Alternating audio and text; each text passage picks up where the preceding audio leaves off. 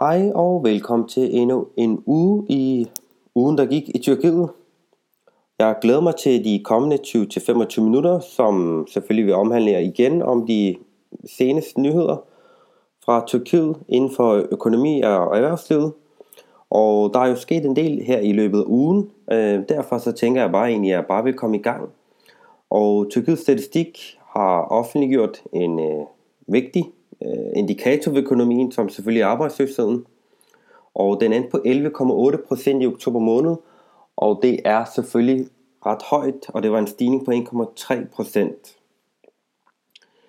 Og som øh, jeg også har nævnt tidligere, så skyldes det blandt andet, at tredje kvartal i Tyrkiet har været ret hård, øh, hvis man kan sige det på den måde. Øh, øh man kan i hvert fald sige, at det har været et, et udfordrende kvartal for hele landet. Og det samme, og det har selvfølgelig også påvirket fjerde kvartal, som øh, oktober selvfølgelig er. Øh, derfor så kommer tallene heller nok ikke til at løbende ændre sig, hverken i, øh, i november eller december. Og det er således, at øh, der faktisk var 3 millioner øh, og 647.000 personer, der var arbejdsløse, og det var en stigning på 500.000 hvis vi lige kigger det i forhold til antal. Det er jo selvfølgelig et, øh, et ret forholdsvist højt tal. Og det er baseret på de, øh, den arbejdsdygtige alder fra 15, og, 15 år og opad til 64. Og det der sådan set også var interessant egentlig, det er faktisk i forhold til de unge. Øh, fordi det, man kigger jo også særskilt øh, på aldersgrupperne. Og det er faktisk således, at øh, hvis vi kigger på aldersgruppen 11-24, så er der faktisk 11,9 millioner i den gruppe. Det er jo forholdsvis højt, og det er således, at 1,2 millioner har faktisk øh, en videregående uddannelse. Det, der er interessant ved den øh, gruppe, øh, synes jeg, det er selvfølgelig i forhold til, at de laver ingenting, altså på den måde. De er ikke ved at uddanne sig, og de, øh, de arbejder heller ikke. De, de, de står faktisk for 34,5% af, af dem alle sammen. Dog er det således, hvis man deler det op i mand og kvinde, så kan man sige, hos mændene, der er den på 25,3%, og hos kvinderne er den på 41,6%. Det er selvfølgelig ret interessant, og det er også således, at øh, man har undersøgt, at 30% af dem, de leder ikke efter et arbejde, faktisk. Øhm, man har lavet en spørgeskemaundersøgelse, som er lavet af Beskæftigelsesministeriet. Og det er øhm, således, at ministeren nu har øh, sagt, at nu skal det her undersøges, der skal til bunds i, hvorfor det er, at 30% ikke søger efter et arbejde. Det kan der selvfølgelig være mange forklaringer på. En af forklaringerne kan faktisk være, det, det er også noget, jeg oplever, når jeg snakker med den, øh, når jeg er i Tyrkiet, det er, at øh, faktisk mange andre, der lever godt på grund af sine forældre. Øh, altså i den her gruppe, øh, hvor deres forældre faktisk har en forholdsvis god økonomi. Så det ender nogle gange med enten, så er de, hjælper de til familien en gang imellem. Der er også nogen, der selvfølgelig også er fuldtid i familien. Nu er det ikke lige dem, vi snakker om. Så er der også øh, den anden gruppe, der måske ikke er så glad for de arbejdsvilkår i forhold til arbejdstiderne og, og måske også lønnen. Og så er der faktisk også den tredje gruppe, øh, dem der ikke er er tilfreds i forhold til det, de jobs, der findes. Og de vil gerne have gode jobs øh, i store virksomheder, øh, der, der har et godt brand. Og det er jo ikke således, at de lige øh, de stadig hænger på træerne, øh, kan man sige. Så det kunne være mulige forklaringer på, hvorfor de ikke øh, søger job, nogle af dem, og måske også nogle andre forklaringer. Men øh, så, lige så fremt, at det, det bliver offentliggjort, hvad det er, jamen, så vil jeg da gerne øh, øh, også forklare det her. Og derudover så er der også startet en kampagne for Beskæftigelsesministeriet. Det handler simpelthen om, at øh, hvordan der kan skabes 1 million job i løbet af de kommende par år. Øh, så det er, det er i hvert fald målet, og det er selvfølgelig et vigtigt mål. Og det der selvfølgelig kan bidrage blandt andet, det er selvfølgelig den økonomiske vækst øh, skal simpelthen op i et øh, højere gear så, så den også kan følge med i forhold til befolkningsudviklingen, der den også er stigende. Og Det var så et af de vigtige nøgletal. Det kan man egentlig snakke en del om. Øh, man kan også kigge på kvinderne og mændene og på de andre aldersgrupper. Det vælger jeg lige at springe over i den her omgang. Det kan være, at jeg lige skriver et separat blog om det, så husk at følge med businessinturkey.dk. Og det næste nøgletal, det blev simpelthen fra Finansministeriet af. Og de har offentliggjort hele øhm, budgettet, øh, altså regnskabet for 2016. Og det var således, at øh, det, den gav et minus på 29,3 tyrkiske milliarder, øh, milliarder tyrkiske lira. Det svarer jo så til cirka 60 milliarder danske kroner. Og det er således, at der, der faktisk, man, man troede, at, øh, at det ville være lidt højere. Øh, når jeg siger lidt, så er det 29,7. Det var det, man egentlig havde beregnet sig frem til. Men det er, det er 29,3. Og det, der egentlig er vigtigt her, vi også lige kigger på, det er, at øh, indtægterne er steget med 14,8 procent. Og her der er det således, at skatteindtægterne de steg med 12,5 procent. Og en del af forklaringen til det er også, at der var faktisk rigtig, rigtig mange lidt, eller faktisk det vi har oplevet i Danmark med skat, øh, hvor de har haft hvor de stadig har problemer med at inddrive øh, gælden, blandt andet på grund af det her IT-problemer, så har man også haft store problemer med at inddrive gælden i Tyrkiet øh, til folk, der skylder til det offentlige. Så man lavede faktisk sidste år en, øh, en aftale, hvor man i godstegn tilgav noget af den gæld, dem der nu havde gælden, øh, og derudover så kunne de også betale forskellige rater, så man gjorde det nemmere for folk at betale. Og det har faktisk blandt andet betydet, at der så er kommet 13,7 milliarder tyrkiske lira ind via den vej. Så det er jo en, øh, det, det er jo en, en del penge, må man sige. Øh, så, men ellers så er det sådan, at den svarer faktisk til, altså over, underskuddet svarer til 1% af BNP'en.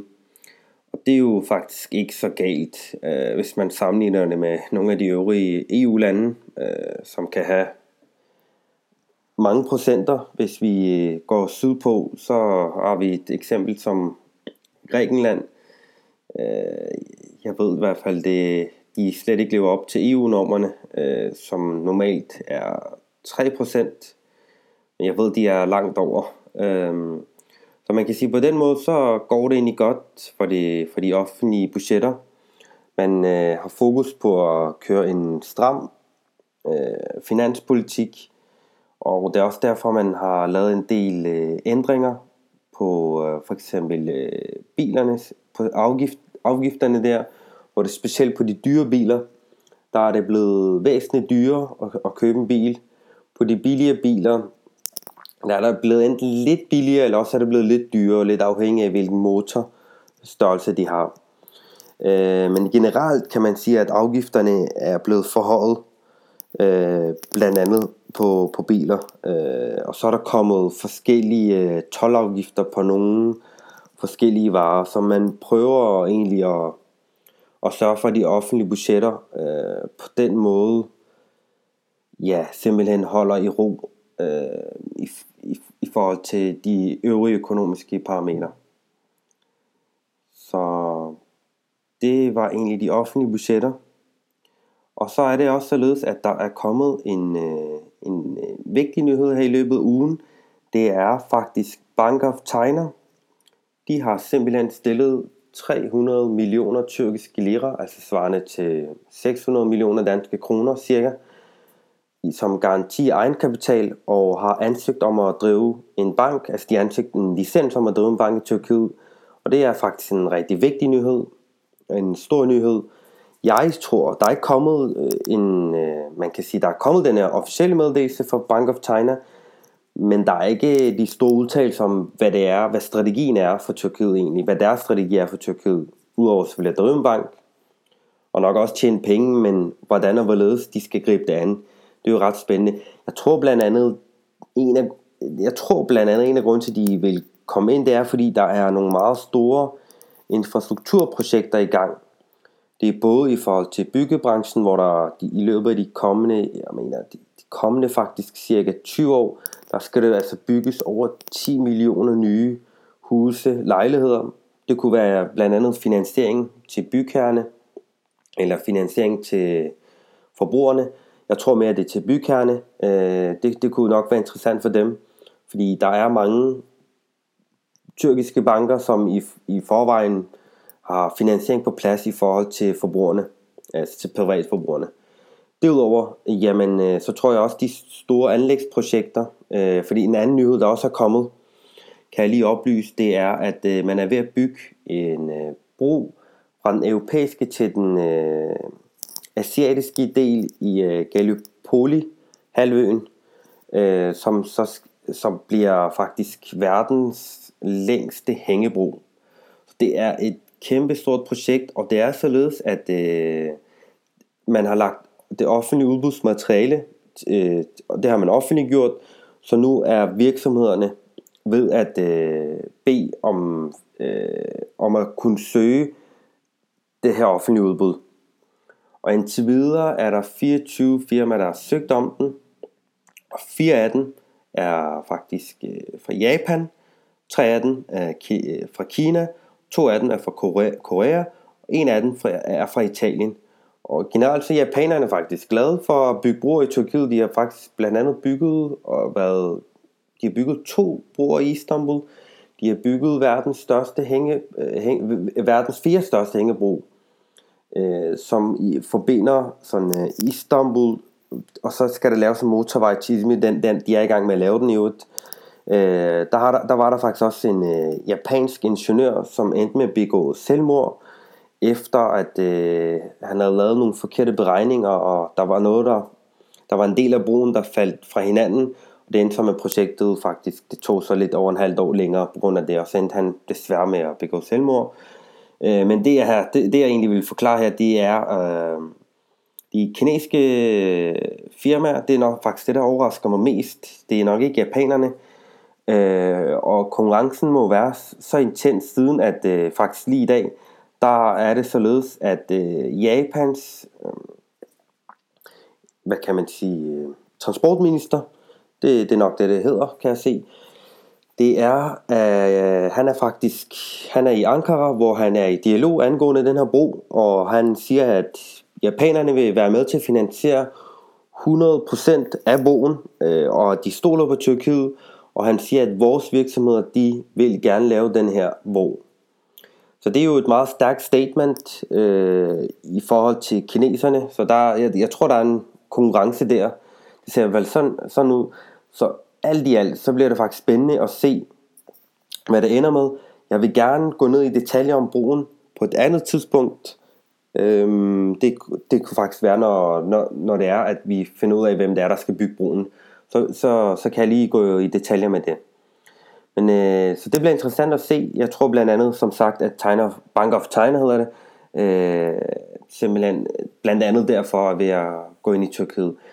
En, en anden årsag det også skulle være, det er, at de, de, de muligvis også ser som adgang til Europa, og derfor så vil Tyrkiet faktisk blot være en start for Bank of China. Så det bliver ret spændende at, at følge med der. Fordi noget andet, der også skete, det var i sidste uge, der var det sådan, at Tyrkiets største fjerkræproducent, der hedder Banvit, øh, jamen de blev solgt til brasilianerne. Eller brasilianerne købte 60% af virksomheden, og 40% blev købt af en investeringsfond fra Katar. Så flertallet er selvfølgelig brasilianerne, men det der også er sket denne her uge, det er faktisk inderne, der har købt et af Tyrkiets største virksomheder, der producerer landbrugsmaskiner, Øh, og det er således, at øh, der er ikke blevet oplyst øh, i forhold til købsummen. Den er ikke blevet oplyst.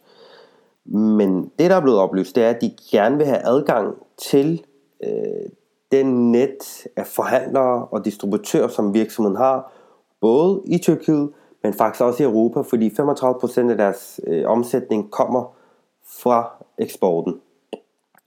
Så det er egentlig ret interessant, hvordan brasilianerne og kineserne og inderne, de øh, her, den, her i 2017 faktisk simpelthen investerer rigtig meget i Tyrkiet i modsætning til de europæiske lande. Så det, det, det bliver ret interessant at følge med i den kommende tid.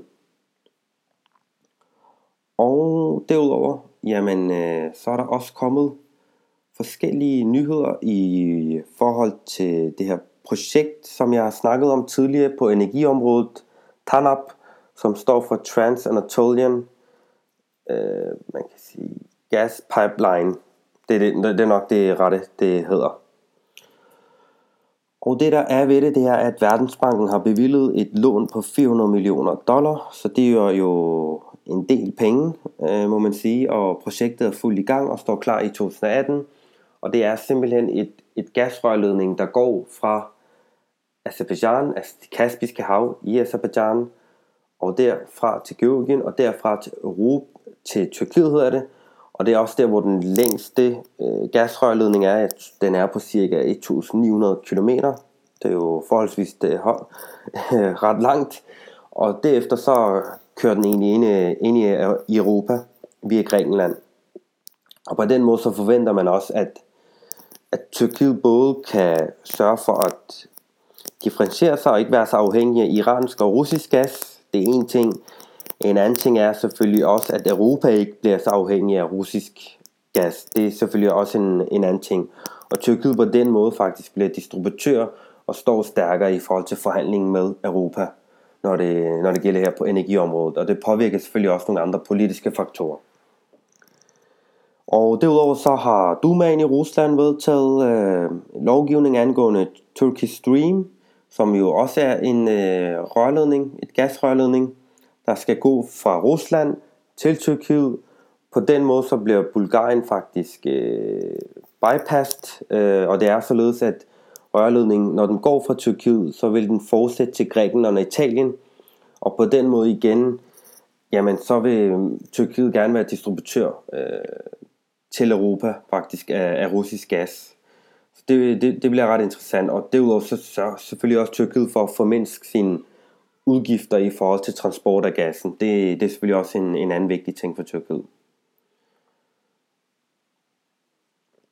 Og jeg drikker tyrkisk te. Nu hvor vi snakker om Tyrkiet, så er det nok øh, marcine.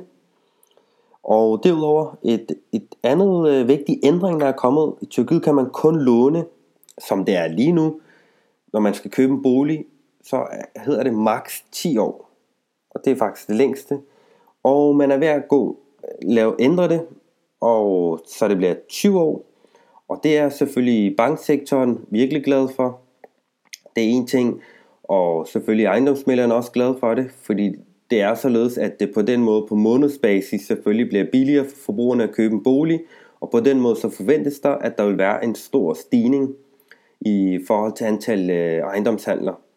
Så og jeg tror også, det vil have en øh, positiv effekt på ejendomshandlerne. Og hvordan det så vil påvirke priserne, det siger nok sig selv. Med stor sandsynlighed, så vil priserne nok stige. Så det er, det er i hvert fald noget, forbrugerne kan virkelig glæde sig til sammen med de øvrige brancher.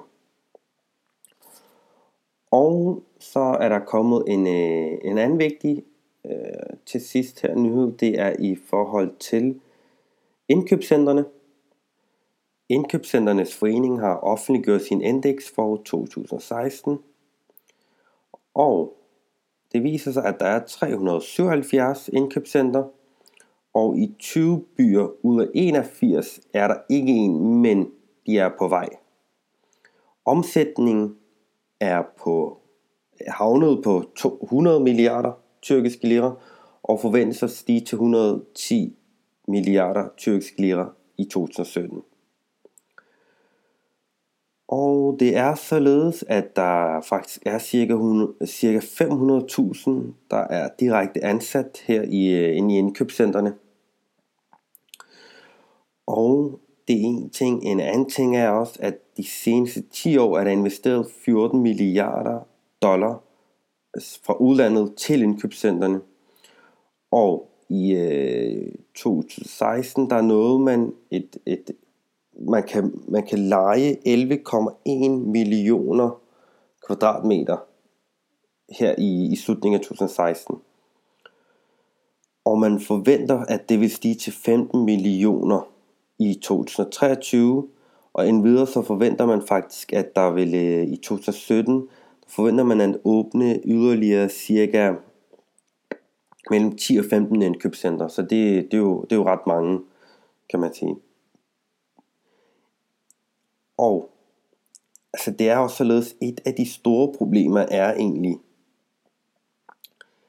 og det er også noget, man diskuterer, specielt de store lejere, de diskuterer, det er det her med både lejepriserne, at de er høje, og de er steget exceptionelt. Det er en ting, men anden ting er, at man, når man lejer, lejer et indkøbscenter, så er det således, at i dag kan man faktisk ikke finde et sted, hvor du kan lege med tyrkisk lira. Du skal enten lege i dollar eller euro. Og det er et meget stort problem, fordi der er den her høje volatilitet i, øh, i kurserne. Og det er blandt andet noget, nogle, nogle af de store lejere faktisk er ret utilfredse med, og man håber på, at man kan finde en løsning, hvor man øh, enten ikke skal betale en så høj kurs, men skal fastlåse kursen til noget tidligere, eller at man kan opdele den således, at man kan betale en mindre del af det i tyrkisk lira, og en del af det i, øh, ja, i dollar eller euro. Det, det er i hvert fald øh, noget, man øh, ikke er særlig glad for.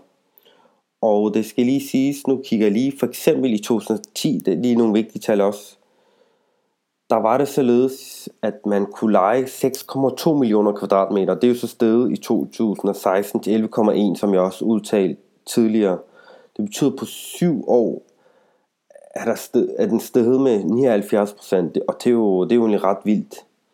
Og hvis vi kigger på besøgstallene, i 2010 blev de besøgt 1,16 milliarder gange, 2016 var den på 2,12 milliarder gange. Det er i hvert fald en, øh, en stigning på 82 procent. Det, er jo, det er jo ret vildt. Selvom der faktisk nogle af dem, der mener, at i nogle områder, ikke lige alle områder, men de mener i nogle områder, der synes man, at det måske er gået for vidt, specielt i, en, en, i dele af Istanbul. Øh, det kan jeg egentlig godt føle mig, når jeg, når jeg er i Istanbul. Det har været en 5-6 gange efterhånden. Øh, det er helt vildt at se, hvor mange indkøbscenter der kan være, sådan næsten lige klods op af hinanden. Men omvendt så forstår de heller ikke, at når, når de så bygger ind i nærheden, jamen, altså det er så udlejerne, øh, som ikke forstår lejerne, fordi når udlejeren så bygger noget nyt siden af, jamen så, så føler de i hvert fald, at det hvad de kan se, jamen så får de lejet det hele ud, øh, så de, de mener ikke, at, at der er et problem. Så det er jo, det er jo nogle en, ret interessante tal, øh, må man sige. Øh, så det er egentlig, hvordan det, det lige var på indkøbscentrene. Og så har jeg egentlig ikke så meget den her uge.